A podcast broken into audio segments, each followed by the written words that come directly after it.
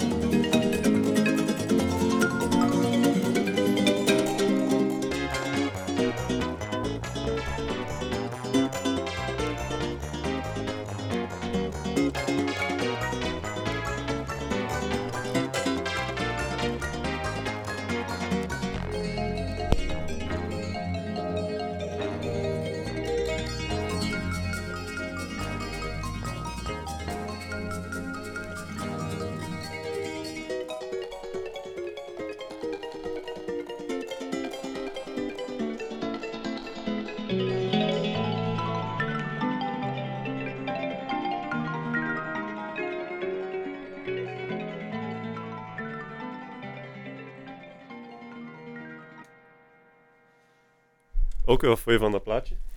Eh, het is niet wat ik eh, van jou verwacht had. Het was vrolijk en opgewekt. Dat is niet wat we normaal doen op de radio. Ja, ik ben eh, een beetje misleid door de cover, want die kerel ziet er ook niet zo vrolijk en opgewekt uit. En ik hij ziet er eigenlijk zelfs redelijk angstig uit. En eh, ja, ik weet niet wat dat eigenlijk de bedoeling was achter die platen was.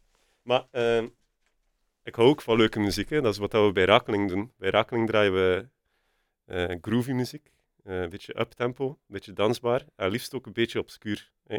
Niet dat platen echt obscuur zijn in tijden van discogs en, eh, en al de kenners die rondlopen op de wereld. Maar toch een beetje de platen die Mhm. zo niet op je typische dansfeestjes worden gedraaid. Ja, ja, ja. Dat is eigenlijk een beetje anders dan wat we doen met ons normale radioprogramma. Dus normaal, eh, we zijn nu te gast voor Niels, een Wat bedoel je met talkshow eigenlijk. normaal ook? Hè?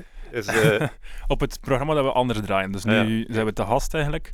Eh, normaal draaien wij op zaterdag No Fun Not Ever. mhm. Ehm, en daar zijn we een beetje tot het, ja, de inside joke gekomen dat we enkel anti-muziek draaien. Louis, kun je een keer in jouw woorden uitleggen wat dat voor jou anti-muziek is? Oh ja, anti-muziek. Ik weet niet of ik dat anti-muziek zou noemen. Want, ehm, eh, ja, hoe zou je dat uitleggen? Soms is muziek ietsje minder toegankelijk, omdat er geluiden en, eh, en muzikale ideetjes in zitten, eh, dat je meestal niet hoort op de radio en zo. Eh, die een beetje tegendraad zijn. Om maar een voorbeeld te geven. ehm, Ernst Albrecht Stiebler is de klassieke componist. En in één plaat dat wij hebben gedraaid van hem, ben de naam vergeten, ehm, zit er een horgelende vrouw in. dus dat is klassieke muziek, maar heel abstract ja, performance of, of zang. Ik weet niet hoe dat je het dan eigenlijk eh, best zou noemen. Eh, en dat is niet voor de hand liggend, maar dat kan wel heel mooi zijn. En dat vind ik dan belangrijk bij No Fun Whatever, is dat we een beetje op zoek gaan naar muziek die ehm, op een of andere manier speciaal of niet voor de hand liggend is. En dat we dan eigenlijk wel kunnen tonen dat, dat, Mhm. eh, dat je daar wel een coherente set mee draait en dat dat eigenlijk heel interessant is om naartoe te luisteren. Ja, dat is een beetje een van onze twee thema's hè, vandaag. Eh, wat niet anti-muziek draaien, maar praten over muziek en de muziek die we graag draaien en graag horen. Mhm. En een deel daarvan is die, eh, ja, zoals dat we zelf een beetje smalend noemen, anti-muziek. Ja. En aan de andere kant ook poëzie. Hè. Ik ga misschien straks een beetje terugkomen op ehm anti-muziek. heeft ook iets te maken met de muziek die ik zelf meegebracht heb. Ah. Maar ik heb geen experimenteel Jungle Jungle meegebracht, zoals de anders draaien. Ah, zo jammer, want ik heb net heel, eh, heel muziek mee die je echt gelukkig maakt. En als jij dan muziek mee die je ongelukkig maakt, had, eh, dan wel nog Ik heb eh, wel een beetje melancholische en ongelukkige muziek mee ook, maar geen uh, Jungle Jungle. Ja. Ehm, en daarnaast gingen we ook over poëzie spreken. Hè? Ja, ja. Eh, moesten er natuurlijk te veel positieve vibes zijn, dan zou ik hier niet met jou zitten. Hè. Dus Mm, mm. ik, ik, Ja. dat, de, dat geen happy poëzie gaat zijn dat je mee hebt meegenomen. Ehm, wel, ik ga misschien beginnen met het, met het eerste gedicht hè, dat ik meegebracht heb. Ah. Ehm, het hangt thuis aan de muur, dus dat kon ik moeilijk meedoen. Eh, maar en hang het aan de muur omdat je het belangrijk vindt of dat, omdat je wil stoeven dat je dat gedicht kent? Eh, wel, eh, nee, nee. ehm, ik had het hier openstaan. Ik ga het voorlezen van op mijn gsm, als een cultuurbarbaar. Het is eigenlijk het eerste gedicht dat ik ehm, herinneringen aan heb. Het is het eerste gedicht dat ik ken, of, of ooit gelezen heb, denk ik. Het eerste gedicht dat voor jou iets betekende. Ja, het, als ik denk aan gedicht, is dat mijn vroegste herinnering. Het is een Ah. gedicht van Herman de Koning. Dat ging vroeger bij ons aan de muur in de hang. ehm, in een soort van eh, ja, een kader met wat uh, decoratie, alleen niet decoratie, zo. Ja, een kunstige print daarvan. Uh, en dat hangt nog steeds op de bureau boven. Uh, Ah. Ja, bij mijn moeder thuis. Um, excuseer. En um, het is eigenlijk toepassend dat dat het eerste gedicht is dat ik herinneringen aan heb. Want het is ook een gedicht dat gaat over um, de wereld ontdekken als kind. Of het zou daarover kunnen gaan. Het is een klein beetje cryptisch. Ah, oké. Okay. Uh, ik ben benieuwd. Oké, okay. het gedicht heet Oh, ik weet het niet, van Herman de Koning. Ja. Oh, ik weet het niet, maar besta, wees mooi. Zeg, kijk een vogel en leer me de vogel zien. Zeg, het leven is een brood om in te bijten en de appels zien rood van plezier. En nog, en nog, zeg iets. Leer me huilen en als ik huil, leer me zeggen, het is niets. Hmm. Ik had dat is iets dat ik nooit van jou verwacht had. Zo'n uh, gedicht die eigenlijk uh, focust op de schoonheid van het leven. Hè? Het ontdekken. Uh, dat is, ik had dat echt niet verwacht van jou. Denk je dat ik de schoonheid van het leven niet zie, Louis? Nee, ik dacht dat je in, de zwarte. In de, ja, oké. Okay. Ja, ik denk wel dat je dat ziet, maar dat is niet hetgene dat je zoekt in, in muziek of in woorden. Ja. um, zoekt toch meer je uitleving. Ook daarmee dat we nog Fun Whatever hebben. En, mm -hmm. Uh, een beetje de onderbuik van de wereld. En dat ja. gaat net over de schoonheid. Uh, maar, ik apprecieer het wel, hè? Ja, uh, niet gevreesd. Ik heb ook nog een, een, een, een donkerder gedicht mee. Ah, ja. um, maar uh, ondanks dat ik wel aandacht heb voor, voor andere dingen, vind ik dat ook wel zeer mooi. Um, zeker over het... Uh, allee, waar ik denk dat het gedicht een beetje over gaat, is over um, de wereld waarnemen en ook de schoonheid in de wereld. Allee, niet per se de schoonheid, maar de wereld waarnemen. Um, Mhm. mm -hmm. En je gewaar zijn van de wereld. En dat is wel iets dat ik um, apprecieer als thema in, uh, in literatuur en in, um, in poëzie. Dan ga je waarschijnlijk een fan zijn van ehm, Carlos William Carlos. Eh, ja, ja. Oh, of William Carlos Williams, sorry. Ja. Maar, Eh, ja. Die inderdaad. Ja. Eh, ja, ik heb daar gisteren nog iets van gelezen. eh, een quote die in een boek stond dat ik aan het lezen was. En ik dacht direct aan jou, omdat ik weet dat je er een grote fan van bent. Ja. Ehm, dat boek ligt nu daar achter mij op de bureau. Eh, maar ik ga dat niet in de radioshow vertellen. Ik ga je daar straks nog een keer op wijzen. Ah, ik vond de reden dat ik zo fan ben van William Carlos Williams, is omdat hij inderdaad, like dat hij zegt, ehm, hij vat in heel eenvoudige woorden de kleine dingen van het leven samen in, in een heel kort gedichtje. hè. Bijvoorbeeld, Mhm. het is een gedicht dat hij pastoral noemt, denk ik, en dan vertelt hij over een dakloze dat hij op straat ziet wandelen. En hij vertelt over de trots waarmee dat hij wandelt, ehm, groter is dan de- die van de pastoor of zo dat hij gezien had. Ja, ja, ja. ik denk Eh. dat ik het uh, recht ken inderdaad. Dat hij ehm, eigenlijk in een, in een dakloze een heel statige figuur ziet. Ja. En ik vind die perceptie van de wereld is iets dat ik eh, heel interessant vind. Ehm, en dat komt bijvoorbeeld ook terug bij... eh, konden het niet, niet over hem hebben, over onze favoriet, ehm, Werner Herzog, de Hm. Duitse regisseur. Ehm, die eigenlijk heel hard bezig is met het kijken naar het, naar het dagelijkse voor een stuk. Niet in zijn films, maar wel in wat dat hij schrijft. Mhm. En het, het fantastische of het surreële of het absurde zien in het dagelijkse. En dat ook deels met bijvoorbeeld ehm, de, de bekende travel writer Bruce Chatwin, Mhm. die ja, bijna het mythologische opzoekt. En hij zoekt ook wel speciale plaatsen op, maar hij maakt, hij vermythologiseert dat. Ja. Als dat een woord is. Dat is mijn favoriete eh, vervoeging van eh vermythologiseren. Ja. Ja. Maar Ehm, ehm, dat vind ik wel eh, juist wat je zegt. Want ik vind ehm, Werner Herzog, ik, ik weet dat hij ooit een keer zei, de Duitse regisseur, ehm, dat de feiten eigenlijk niet zo belangrijk zijn. Ik vind dat, dat is eigenlijk op het eerste zegt heel raar dat dat komt van iemand die documentaires maakt voor zijn brood. hè. Mhm. Ehm, maar ja, het gaat niet altijd om de waarheid. Het gaat, eh, wat het, hij, hij ziet eigenlijk documentaire maken als een kunstvorm. Niet per se al- als een medium om feiten weer te geven. Ja. Omdat hij eigenlijk... Hij, hij verdraait de waarheid, hij liegt niet. Hè, maar de manier waarop dat je dingen in beeld brengt, eh kan ervoor zorgen dat dat een beetje... allee, daarmee ehm, kan je dingen een beetje als een gedicht weergeven. Of zo. Ja, zeg maar inderdaad. iets. Hij zoekt een beetje naar de, naar de literaire kwaliteiten in het leven. Mhm. En hij strekt er ook niet voor terug als die er niet zijn om ze te maken. Zo, zoals Ehm. bijvoorbeeld bij, bij Grizzly Man. Hè? Hij kon gewoon de, de droge feiten weergeven en zeggen van... eh, man gaat naar eh, Alaska, leeft tussen beren, wordt opgegeten door beer, wat een dommerik. dat is zo documentaires Mhm, ja. die, die de meeste mensen maken. hè.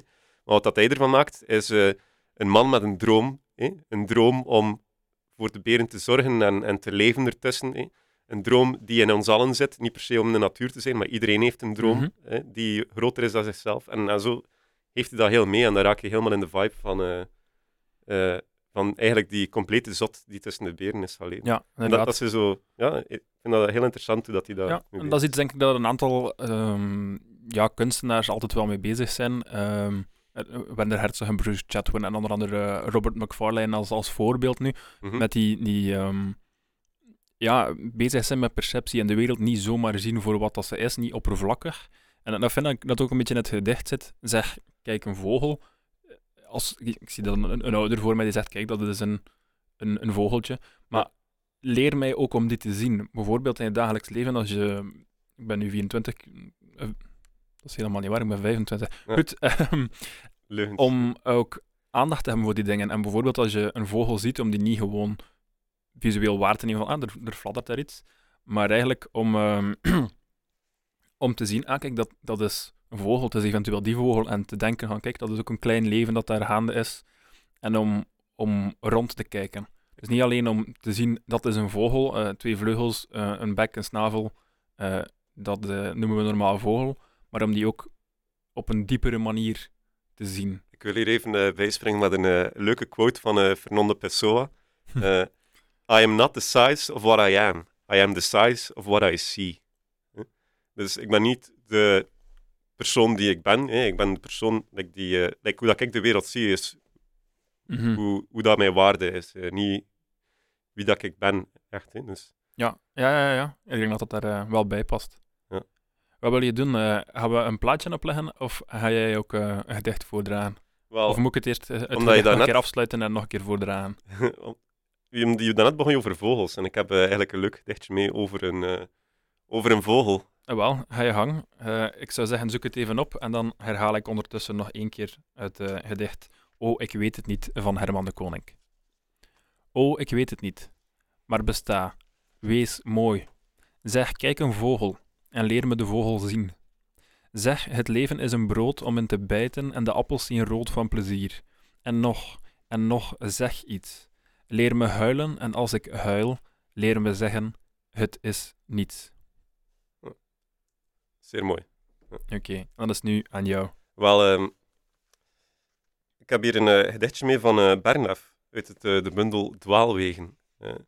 Nu, ben niet zo fan van die bundel, maar er zit één haatdragend gedicht in. En eh, eh, ik vind dat wel leuk, want meestal zijn gedichten gaat het over schoonheid en over eh, appreciatie van het leven. En deze gaat over haat. Die man haat namelijk duiven. En ik kan hem daar alleen maar in bijspringen. Nee. Like, moest Gaia ehm, zeggen, wij willen alle dieren in de wereld helpen, behalve duiven, dan zou ik zeggen van, oké, eh, dat zijn kutbeesten, ik ga mijn geld geven aan Gaia elke maand. hè. maar jammer genoeg doen ze dat niet, dus daarom geef ik ook geen geld aan Gaia. Maar, dus eh, duiven zijn eh, niet zo leuke beesten, en daarom noemt dat gedicht ook baksteen. Ik zal anders nu gewoon een keer voorlezen. Ik ben benieuwd. Een duif is geen vogel. Een duif is een steen, die wanhopig probeert zich te voegen in de muren van huizen, die hem afstoten, een teen afbijten, ook als baksteen is hij mislukt.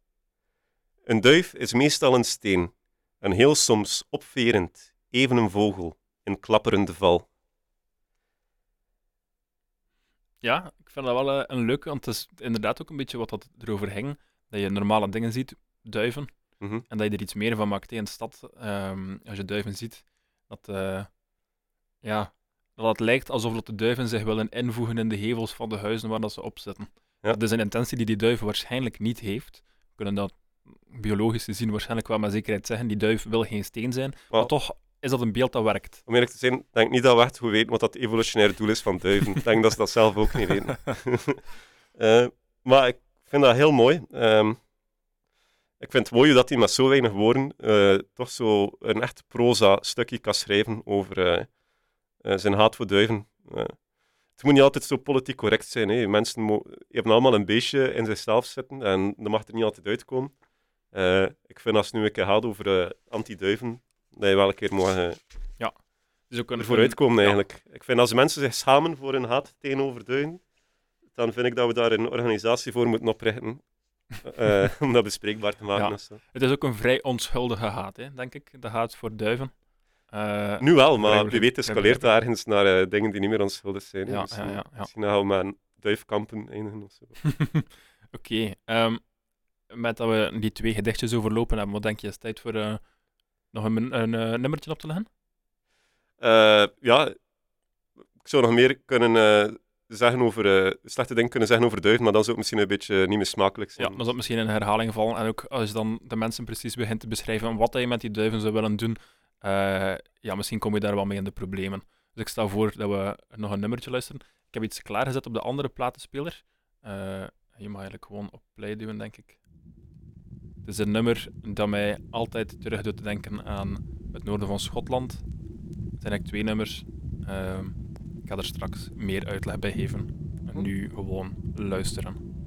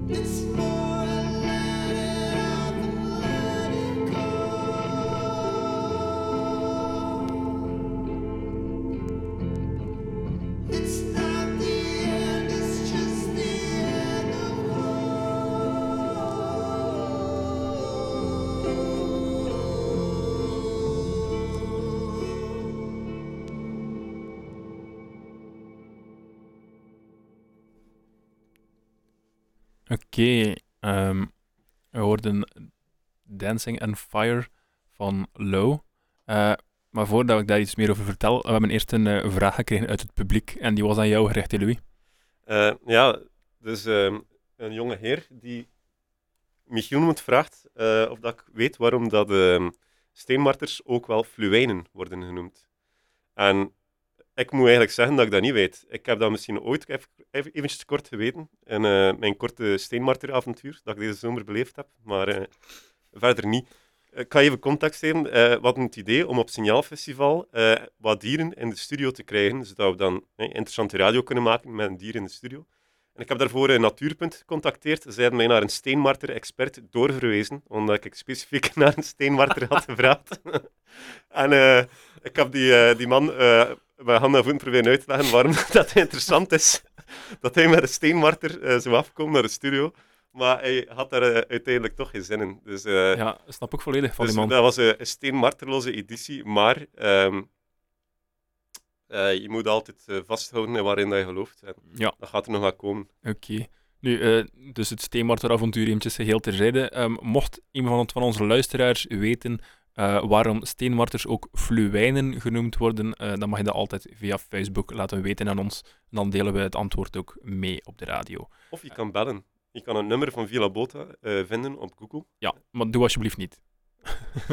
Ehm, ik ga misschien eerst even terug hebben Of voor een nummer was dat? Dat was dat Low? Ja, dat was low, inderdaad. Van plaat Double Negative. Ehm, ik zei dat dat een nummer is die mij doet denken aan Schotland. Dat is eigenlijk omdat het een nummer is waarin ik een eh, herinnering heb. Ehm, en dat eerste doet mij ook een beetje denken aan ons thema van anti-muziek. Dus het- de intro. Ehm, ik het misschien eerst over de herinneringen hebben. Nee. Mhm. Eh, ik was eigenlijk op trektocht met Neil, eh, ja, van Villa Botta, een goede vriend van mij. Ehm, en we waren in een, een klein hutje aangekomen op de noordwestkust van Schotland. Mhm. En eigenlijk ehm, voorbij de laatste bebouwing van Schotland. Dus je hebt daar eigenlijk een punt, eh, je hebt een grote kaap, dus een, een gebied van eh, een goede 10 mijl, dus 16 kilometer, dat uitsteekt voorbij het laatste dorp. En dat is eigenlijk een onbewoond stuk rotspunt. Dat is het de laatste punt van Groot-Brittannië. Je hebt daar eigenlijk echt, ja, tussen aanhalingstekens, de laatste baan, het laatste dorpje, en daar houdt het land op. En daar voorbij, in die wildernis, staat een klein hutje, waar dat er heel lang een eh, kluizenaar gewoond heeft. Eh, nu, het was een heel avontuur om daar te geraken in die hut, ehm, maar dat ga ik nu niet allemaal beginnen vertellen. Maar die hut staat daar heel afgelegen. Ehm, er lopen geen paden naartoe. Mhm. Dus je moet echt gewoon door, door de modder en door de, door de wildernis en daar ploeteren. Er zijn geen paden, geen wegen, geen hekkens. Mhm. Ehm, en de man die daar gewoond heeft, heeft allemaal vreemde muurschilderingen op de muur gemaakt. Allemaal te maken met de zee en met, eh, met mythes. En het zijn eigenlijk vreemde vrouwen die uit de zee komen en half vogel, half vrouw zijn. En we waren daar samen toegekomen, eh half onderkoeld. En s ochtends vroeg, ehm en s'avonds was het ook eh, een beetje aan het stormen, dus er was hagel en er was regen op het dak van dat kleine hutje. Mhm. En s ochtends vroeg ehm, schijnt de zon door het raam en het eerste dat Neil doet, is dat nummer opleggen. Ah, Ehm dus vandaar dat ik het altijd daarmee verbind, omdat het heel ingetogen is, een heel sereen nummer. En dat eh, eerste stuk is een voorbeeld van mij van hoe dat ehm, muziek, ook al is het enkel geluid, mhm. ehm, heel impactvol kan zijn of heel betekenisvol kan zijn. Ehm niet per se bet- betekenisvol. Dat eerste stuk is gewoon het geluid van wind of ruis, Mhm. met heel vaag, als je goed opgelet hebt, ook wat gezang erachter. Eh, dat is op zich niet zo speciaal, er zijn veel mensen die zo muziek maken. Maar ehm, alleen al dat geruis, dat achtergrondlawaai en zo die flarden van, van gezang dat je kan horen of net niet kan horen, dat je je afvraagt van, verbeeld ik mij dat nu? Ehm, dat past er perfect bij die context. En dat is voor mij een duidelijk voorbeeld van hoe dan een, een intro van twee minuten eigenlijk enkel geluid kan zijn. Geen melodie, geen harmonie, eh, geen ritme, geen laatstaande structuur in het nummer. En dat dat toch heel schoon kan zijn. Ehm, En Mhm. perfect kan samenvallen met de rest van het nummer, die dan ehm, ook wel een favoriet is op No Fun Whatever. We hebben dat al gedraaid. Ja. Maar die niet echt tussen aanhalingstekens anti-muziek is, die meer een heel rustig alternatief ehm, Ja. pop- of rocknummer is. Ik vind, dat is heel waar. En ik, volgens mij dus dat ook doelbewust. Ik heb hier bijvoorbeeld een van mijn favoriete cd's mee. Eh, dat is eh, Anna Paseo met Yokai. En het is exact zoals dat hij zegt. Het eerste nummer ehm, is eigenlijk heel etherisch, eh, vol met wereldmuziek, eh, zanglijnen en losse flarden van noten. En dat nodigt enorm uit om heel aandachtig te luisteren. Mhm. Dus als je, als je zoiets hoort, dan dat wekt je interesse. Er hoort iets dat je niet begrijpt. Je begint daar intenser naartoe te luisteren.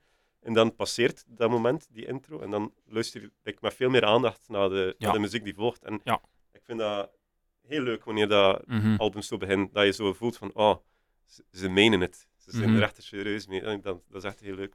Dat is iets, denk ik, dat voor mij, het, wat dat wij al lachend anti-muziek beginnen noemen zijn, definieert, is als je gewoon geluid hebt, ehm, los van alles wat we traditioneel verstaan onder muziek, tussen aanhalingstekens, Mhm. maar dat op de een of andere manier wel interessant is en dat het uitnodigt om ernaar te luisteren en eigenlijk te luisteren alsof je naar een, een orkest zou luisteren en luisteren welke instrumenten eh, spelen. Bijvoorbeeld als je een eh, whatever, een, een kamerkwartet hoort of kamermuziek hoort, en je luistert, oké, hoor ik nu een hobo, ik hoor een contrabas, ik hoor ehm, eventueel een, whatever, een, een, Mhm. andere blaas, een ander blaasinstrument.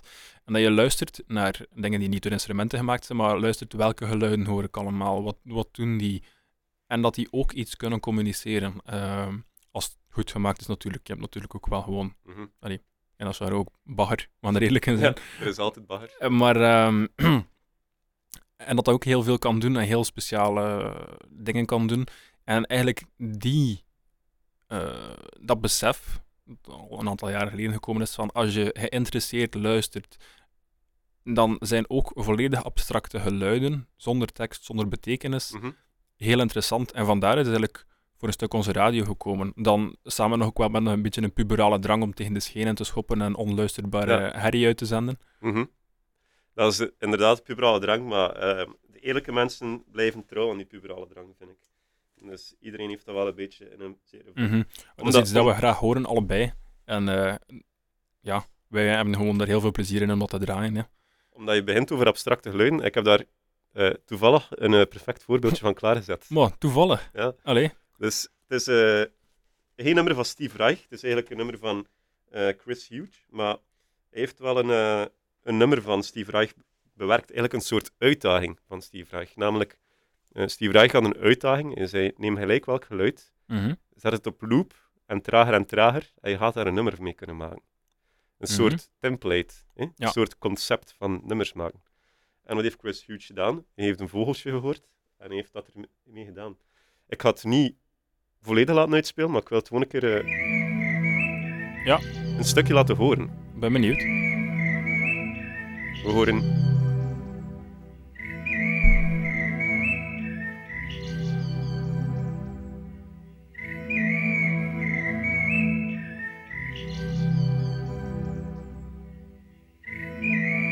de mensen die het eh, merken, de vogel dat gaat veel, veel te traag en traag.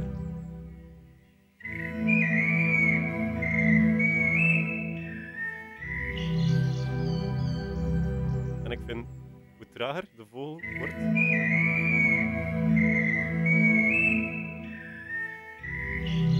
trager de vogel, hoe mooier de.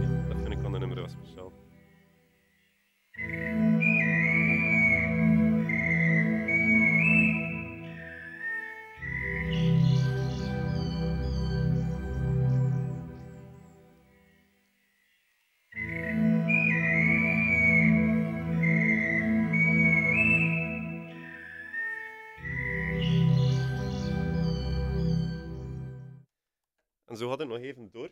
Eh, ik ga even doorspoelen naar eh, het einde van het nummer. Ehm, ik vind dat echt een mega cool concept. Ik vind dat echt... eh, ik ga dat misschien ook thuis proberen om zo een keer een nummertje te maken. Op het einde gaat hij dat heel extreem en begin je echt zo dat volgezang gebroken te worden in samples en dan krijg je iets van dat hier.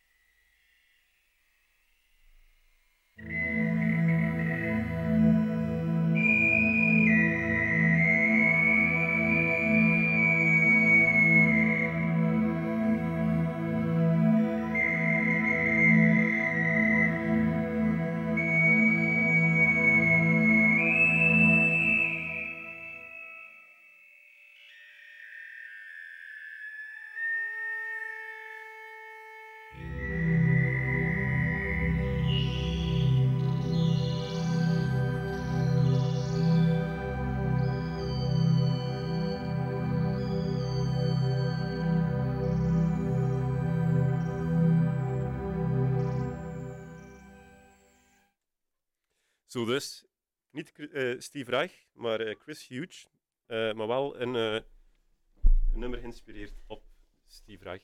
Mhm. Ik denk dat dat een goed voorbeeld was. Hè. Ehm, eh, het is, ehm, er was natuurlijk wel muziek aan toegevoegd. Er, was, er waren denk ik strijkinstrumenten aan toegevoegd. Mhm. En een vogel is iets dat we associëren met dus een mooi geluid.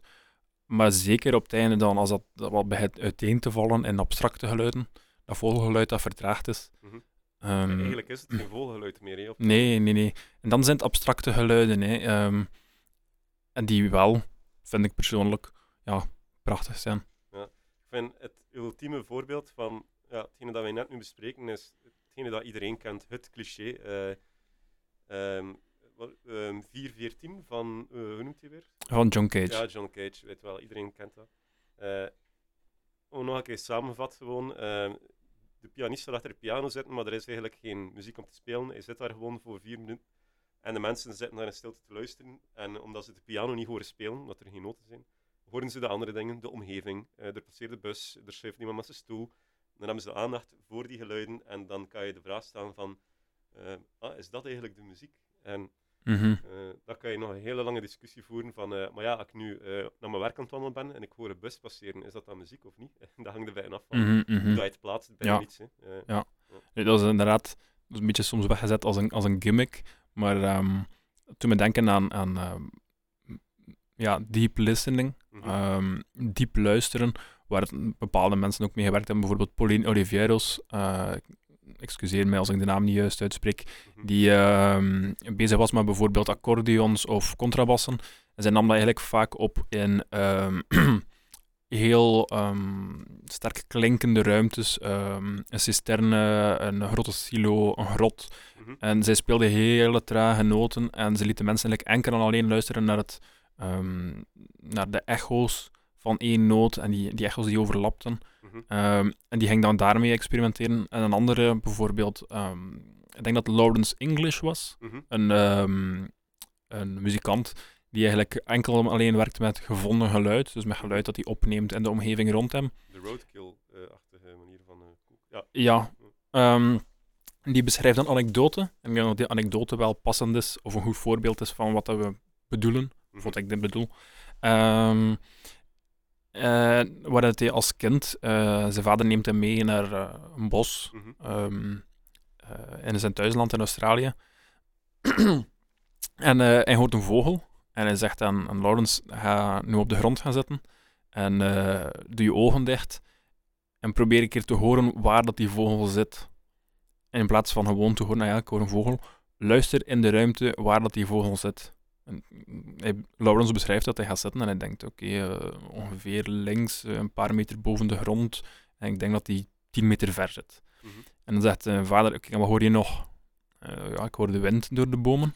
En in de verte eh, hoor ik nog een vogel.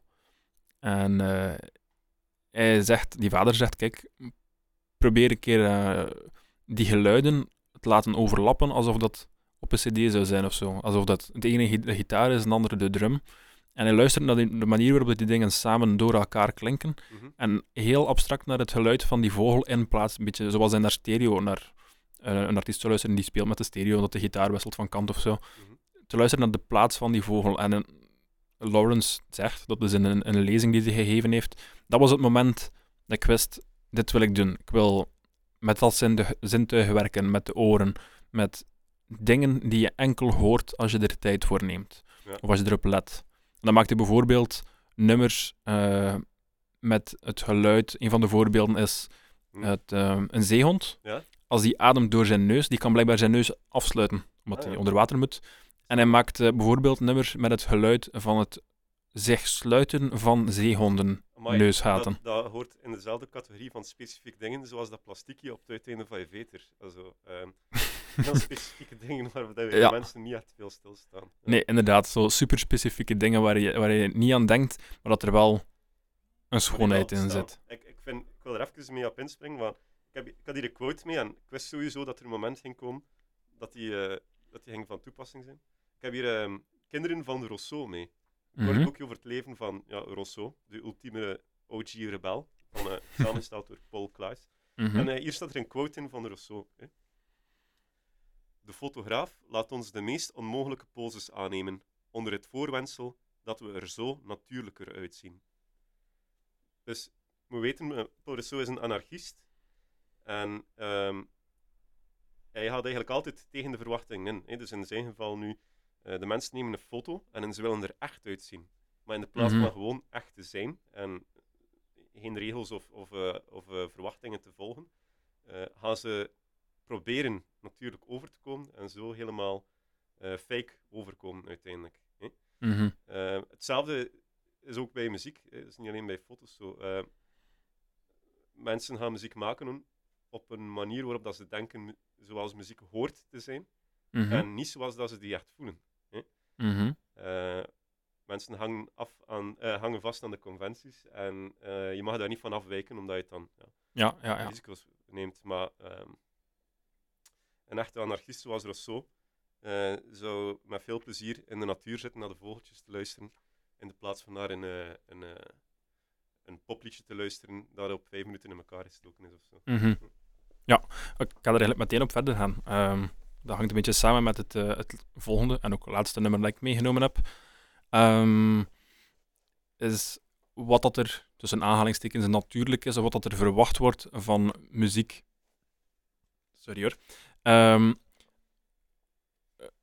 Wat muziek eigenlijk- van muziek? wat, eh, ik heb een nummer van, eh van Amon-Ra mee. Ehm, ja, de superbekende Belgische band. Ehm, die eigenlijk nummers schrijven vooral over pijn of verdriet of ehm, rouw. Mhm. Ehm, en die dat doen op een heel andere manier dan veel rock- of popnummers die gaan over pijn. Ehm, waarom heb ik hun meegebracht? Zij zijn eigenlijk de eerste band, denk ik, waarbij ik dat zo duidelijk gevoeld heb. Toen, vroeger, toen ik ze voor de eerste keer gezien heb. Ehm, een band die zo duidelijk een, eh, een gevoel kan communiceren, zonder dat enkel en alleen de tekst daarover gaat, bijvoorbeeld. Mhm. En zij zijn het, voor mij, toonvoorbeeld van muzikanten ehm, die kiezen voor een bepaalde insteek of voor een bepaalde methode van muziek maken, ehm, waarbij dat die methode zelf het gevoel dat zij wil communiceren al communiceert. Ik vind dat het een heel sterke band is, Mhm. ehm, die steeds vertrekken vanuit rouw eigenlijk, of pijn. Mhm. Ehm, Ja, over rouw en pijn gesproken. eh, ik had eh, tickets voor eh Amenra hier in eh, het concertgebouw in Brugge. Ik ging met Mhm. mijn vader gaan. Maar je weet wel wat, heeft daar een stokje over tussen gestoken. En nu is het nog een keer uitgesteld. Dus dat optreden eh, gaat twee jaar uitgesteld zijn. Maar waarschijnlijk ook niet meer doorgaan. Eh, Ja. eh, maar ja. ehm, het zou inderdaad jammer zijn. Ik had ook tickets voor datzelfde optreden. Ah, wat Ja, ehm, ja, wat dat zij doen eigenlijk, zij zijn ook een, een goed, goede band voor dit moment. Ze hebben ook dit jaar een, tussen aanhalingstekens, hit uitgebracht met een, een cover, volledig buiten een, een genre wel, Vond van, je, dat, een- vond je dat een goede cover? van Jeff van Uithuls, De Zotte Morgen. Ja, ik vond dat een hele goede cover. Ah, ik, ik had zoiets van... Dat is inderdaad een hele mooie cover, maar... Allee, het is het beter dan het origineel? Nee. Is het, eh. Ze hebben er niks anders mee gedaan. Ze hebben gewoon het Mm, origineel ja. proberen een beetje gekopieerd. En dat Ja. was ook heel mooi, maar... Het is niet- Ja, inderdaad, dat was heel mooi, maar van ze brengen het opnieuw onder de aandacht. Dat is een nummer dat, Ja, dat een beetje verzonken was in de tijd al. En ze hebben er een hele mooie videoclip aan gekoppeld met ehm, stad Gent, die tijdens de lockdown volledig stil is. Hè. Dus eh, op een ochtend vroeg, zes uur of zo, in de lockdown zijn ze gaan filmen Hm. op plaatsen in Gent die anders super druk zijn en die liggen er verlaten bij in de ochtendschemering. Ja, dat past wel heel mooi bij dat nummer. Mhm. Ehm, nu over het nummer dat ik ga draaien. Ehm, het is eigenlijk een nummer, een van de eerste nummers eh, die ik van hun kende. Ehm, en ik heb hun gekozen omdat zij, ze zijn al heel veel gedraaid, ze zijn heel populair in België. Het is zeker geen ontdekking. eh, ik probeer zeker geen obscure dingen te draaien, zoals we met No Fun Ever wel doen. Ja, Maar het is wel iets ehm, dat veel mensen afschrikt, omdat het heel hard is. mhm. Maar het is ook heel open. Het gaat over pijn. En het is, ondanks dat het zo hard is, ook heel sereen, vind ik. Ze communiceren heel duidelijk een pijn of een rouw die een universeel gevoel is. Iedereen gaat op zijn le- in zijn leven ooit geconfronteerd worden met het verliezen van een geliefde. Een partner, een ouder, een kind. Dat vind je wel leuk, hè? dat vind ik helemaal niet leuk. Ja, Daar, eh, daar komt het net op neer. Ehm, maar ik vind dat heel sterk dat zij dat universeel gevoel aanpakken op een manier dat veel andere muzikanten niet doen. En dat, denk ik, ook mensen die niet gewend zijn aan die muziek of niet houden van harde muziek, Mhm. niet anders kunnen dan toegeven dat dat een, een, een pakkende methode is om dat te communiceren. Of dat dat, duidelijk communiceert. En als je dat live ziet, dat je je eigen gevoelens ehm, daarop kan projecteren en dat dat een heel sterke verbindende manier is van naar een band te kijken. Ja. Ehm, ik kan daar nog lang over doorgaan. Veel mensen hebben dat ook al gedaan, maar misschien moeten we direct gewoon eens luisteren. Hè? Maar aangezien dat je... Jammer dat je die toon zo zet voor, de, voor ons gesprek, want ik heb zo het gevoel dat ik populaire muziek Alf Japan niet meer ga kunnen draaien. Dat is een compilatieplaat, Duitse compilatieplaat van de, eh, Japanse muziek. En het is verschrikkelijk slecht, maar andere keer dan. Hè? Andere keer. Eh, we gaan een keer, we moeten lief kijken naar Niel dat hij ons nog een keer uitnodigt. Dat we weer nog een keer een uur komen vol babbelen. Hè. Ja. Wil jij het nummer opleggen ondertussen? Het begint rustig. Het heet Novena.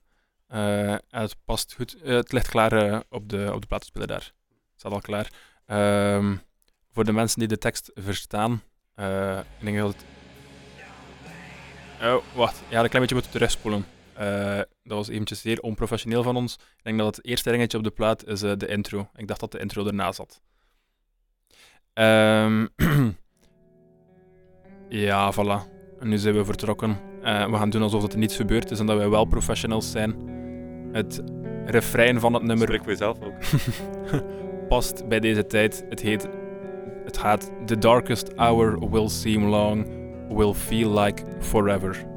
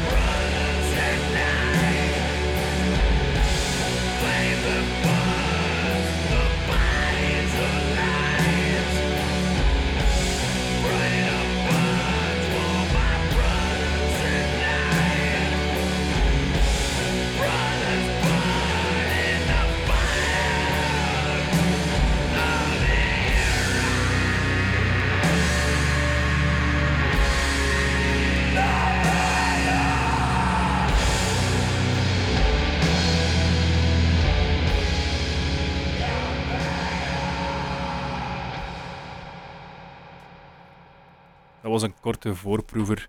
Een nummer van 10 minuten. Een beetje typisch aan die muziek. Dat ze lang de tijd nemen om je helemaal mee te trekken in dat verhaal. Dat misschien best werkt live, maar kijk, nu heb je het toch een keer op de radio gehoord. Maar ik ben blij dat ik vooral happy muziek heb meegenomen, want eh, ik ga straks nog afsluiten met een liedje dat Smile noemt. Eh, Oké. Misschien want- zijn de luisteraars er ook blij om. Want ik moest zelf even heel hard naar buiten kijken, naar het park met alle gelukkige mensen, om niet in dat nummer gezogen te worden. Het is niet altijd leuk wel om eh, naar eh, donkere muziek te luisteren, vind ik. Eh, het heeft toch een, een beetje een soort setting nodig of zo. Hè? Mhm. Ehm, nee, ik heb inderdaad- dat donkere muziek. Um, ja, donker is een beetje een, ik vind het een, beetje een vies woord, want dat doet mij denken aan kitsch, maar hou. Ehm, ik denk dat donkere muziek een soort van catharsis ehm, kan opleveren. wat bedoel je daarmee? Dat woord ken ik niet. Op pseudo-intellectueel die je bent. Ehm, Bedoel je, Daarmee- eh, weet daarmee- wel, dat is een soort eh, verzoening of zo. Of ja, dat zo... het is, een- het is een soort van, ook al voel je dat op dat moment niet, ook al, ook al voel je die emotie op dat moment niet, op het moment dat je daar staat, ja, kun je die emotie bijna projecteren op, op de band. ja, Je weet dat die zanger, eh, het was nu wel een, eh, een, eh, een eh, samenwerking met de zanger van The Roses, het was niet enkel mhm. Colin, eh, de Ik- zanger. Ik vind wel, dat is totaal niet hoe dat ik die muziek wel beleef. Ik vind, ehm, eh, dat is wel een beetje een emotionele ding. Dus ja, je voelt altijd de emoties als je naar muziek luistert. Mhm. Maar ehm, ik weet niet, ik vind dat eerder zo een beetje een, een droomwereldje. Ik vind dat muziek luisteren zou ik eerder vergelijken met, ehm, met, met dat je als kind naar een, eh, een tekenfilm aan het kijken bent of naar een eh, Disneyfilm aan het kijken bent als kind, naar de Aristokatten of zo. Dat je daar helemaal ingezogen zit en Mhm. dat je daarin zit. Also, dat je Mhm. echt gewoon... Het echte leven is niet meer belangrijk. Je hebt geen honger of dorst. En je, het enige dat bestaat zijn de aristocraten. Ja, dat is geen gast. Die volledige fascinatie. Ja, dat is meer doordat ik naar muziek luister. Niet per se van... ehm eh, wanneer per se naar, op zoek naar, naar, de, naar Jezus Christus. Allee, ik snap naar de Ja, ja, ja. verlossing. Interessant dat je dat zegt, ze gebruiken veel christelijke beelden. eh, en niet op de toch een beetje cringe manier dat veel metalbands doen met 666 en de duivel en, en dat doen ze niet. Ehm, ja, ik snap helemaal wat hij bedoelt met, met muziek die een beetje een fantasiebeeld is, waar je helemaal ingezogen bent en die, waar je al die aandacht vraagt en dat je daar volledig naar luistert. Ik vind eh, met Amara of met donkere muziek, zij geven op een, ondanks dat het zo hard is, toch een heel serene en heel intense manier blijk van een emotie waar dat iedereen ooit mee te maken krijgt. En je kan je, kan je daarin gesterkt voelen, denk ik, of je kan die, die emotie intens herbeleven tijdens het luisteren van die muziek. Mhm. Eh, of tijdens het ehm, eh, ja, luisteren tijdens een optreden. En eh, ik denk dat dat heel waardevol is. Nu, Ja. we zouden ook daar een uur over kunnen, kunnen vullen. Maar ik heb thuis twee... ik ik, zou dat kunnen, maar twee- daarvoor zijn we niet gevraagd. Hè. ik heb eh, thuis twee boeken liggen van... ik denk eentje van Tolstoy. En dan heb ik ook nog eentje van... ehm, een, eh, hoe spreek je het uit? Stoïcijns of zo. Van die Romeinse denkers. Mhm. hè. En eh, die kwa- eh, geven mij alle twee het advies om... eh, eh, als het leven te, te zwaar is, om eh, eh, er gewoon mee te stoppen. En ik vind dat redelijk eh, cru en ik, snap, ik vind daar ook eigenlijk niet zo vriendelijk van in. Maar ik, ik vroeg me het dan ook af, eh, moesten zij nu gewoon eh, muziek hebben zoals dat wij dat vandaag hebben, dan misschien gingen ze zo gemene dingen niet zeggen tegen hun eh, lieve lezers. Ehm, eh, dat is een zijspoor dat ik niet ga inslaan. Ehm, ik, kan er, ik daar niet op inslaan. Ik, ga misschien, eh, ik zie dat onze tijd bijna op is, of eh, dat mijn tijd bijna op is, want ik ben dat hier eigenlijk aan het doen in mijn, eh, in mijn middagpauze. Mag niet geweten zijn. Ja. Ehm, ik ga misschien nog een gedicht voorlezen van een andere pessimistische ziel. Zou ook nog een, ik heb hier nog een, een laatste vraag dat misschien interessant is voor de kijkers. Zou je misschien de naam en telefoonnummer van je werkgever willen opgeven, zodat we jou kunnen misschien aangeven? Of, Absoluut niet. ja. Ehm, eh, nee, ehm, de pessimistische ziel, je hebt eh, net zijn naam al eens vernoemd, is niemand minder uiteraard dan onze favoriet. Ah, Fernando Pessoa heb je mee. ja, nice. inderdaad. Ehm, voor de mensen die hem niet kennen, eh Pessoa was een totaal vereenzaamde, sociaal onaangepaste eenzaad uit Lissabon. Zoals Eh, dat ik jou vroeger kende. ja, alleen ben ik niet van Lissabon. Mhm. Ehm, en ook geen groot schrijver. Die tijdens zijn leven bekend was als dichter. Die een aantal dichtbundels uit had. Meestal onder ehm, eh, valse namen. Omdat hij zijn eigen naam daar niet voor wou gebruiken. Mhm. En eigenlijk, beschaamd, die gast. ja, Ja. na zijn dood is er in zijn kamer een immense koffer gevonden met heel veel beschreven tekst. Mhm. Daaruit heeft eh, een uitgever besloten van we gaan daar een boek uit samenbundelen en we gaan dat uitgeven. En dat werk is eigenlijk postuum een van de grote werken uit de Portugese literatuur Ja. geworden en een van de meesterwerken van de 20e eeuw. Ik wil niet stoeven of zo, hè, maar ik ga het toch doen. Eh, ik ben al naar Lissabon geweest. Eh, ik ben naar het huis van Fernando Pessoa geweest en ik heb die koffer met mijn eigen ogen gezien. Dat eh, moet een bijzonder En de originele, originele gedichten en zo lagen er ook. Ja. Dat, dat moet prachtig geweest zijn. Ik, wil- ik wil zeggen, wat ik nog wil zeggen over Fernando Pessoa, dat was een eh, alcoholieker, een echte zatlap. En dat zag je ook wel bij in als een, eh, zijn kamer. Ja. dat zag je aan zijn kamer, maar niet in zijn schrijfstijl. Dat is zeer fijn, eh, heel gevoelig geschreven. Ja. Ehm, ik ga een sonnet voorlezen van hem. Eh, het is niet vertaald, Ik vermoed dat dat een beetje te maken heeft met dat sonetten heel sterk gebonden zijn aan metrum en aan ritme je, en rijm. ga je dan in het Portugees lezen? Nee, ik ga het in het Engels voorlezen. Ah, ja. Ehm, Fernando Pessoa was perfect tweetalig en hij wilde dat eigenlijk bewijzen, zijn tweetaligheid, door een sonnet te schrijven in het Engels, wat toch een heel moeilijke technische vorm van dichten is. Eh, Ehm, voor- moeten we mensen de kans geven om naar het wc te gaan voordat je begint met 12 coupletten? En, eh, eh, nee, nee, nee, een sonnet is sowieso maar, ik ga even moeten spreken, maar ik geloof 14 regels. Hè. ah, ja, Dus het is, het is een kort gedicht, het is in het Engels en het vat, wat het samenvat, ga ik de, gewoon aan de luisteraar laten. Mhm. En ik ga mijn beste Engels opzetten. Mijn excuses voor mogelijke fouten. Whether we write or speak or do but look, we are ever unapparent. What we are cannot be transfused into word or book. Our soul from us is infinitely far. However much we give our thoughts the will to be our soul and gesture it abroad, our hearts are incommunicable still. In what we show ourselves, we are ignored. The abyss from soul to soul cannot be bridged by any skill of thought or trick of seeming. Unto our very selves we are abridged. When we would utter to our thought our being, we are our dreams of ourselves, souls by gleams, and each to each other, dreams of others' dreams. Hm. Voilà. Dat is waar. Het is eigenlijk een beetje genoeg geweest van al die zwaargewichtige dingen. Mhm. Ehm, Ik stel voor dat we niet in discussie gaan over de onoverbrugbare kloof tussen mensen en eh, de onmogelijkheid om jezelf te kennen en dat je gewoon nog een leuk plaatje oplegt, dat we het hierbij laten. Hè. ik wou nog eh, juist zeggen voor de mensen die geïnteresseerd zijn. ehm, als je veel kluiten wil sparen, eh koopt gewoon cd's. Want ik, dat is een van mijn favoriete albums van, dit- van dit jaar tot nu toe. Die heeft mij 2 euro gekost of zo. Eh tweedehands cd's via Discogs. Gigantisch goede audio-kwaliteit en geen geld betalen. Dus kijk, we gaan daar nu eh, de voordelen van binnenrijpen. Eh Voilà, we leuke, luisteren naar een happy nummertje. leuke brug heb je daar gemaakt terug naar de normale wereld. En eh, dan zeggen wij nu salut en leggen we nog een nummertje op.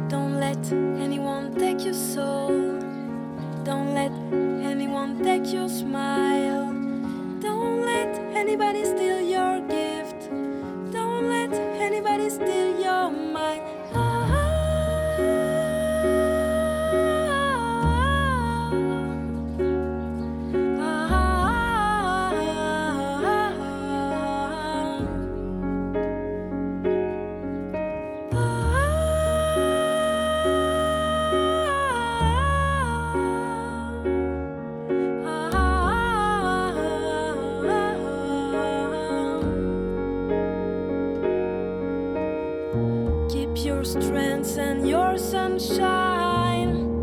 Feel the world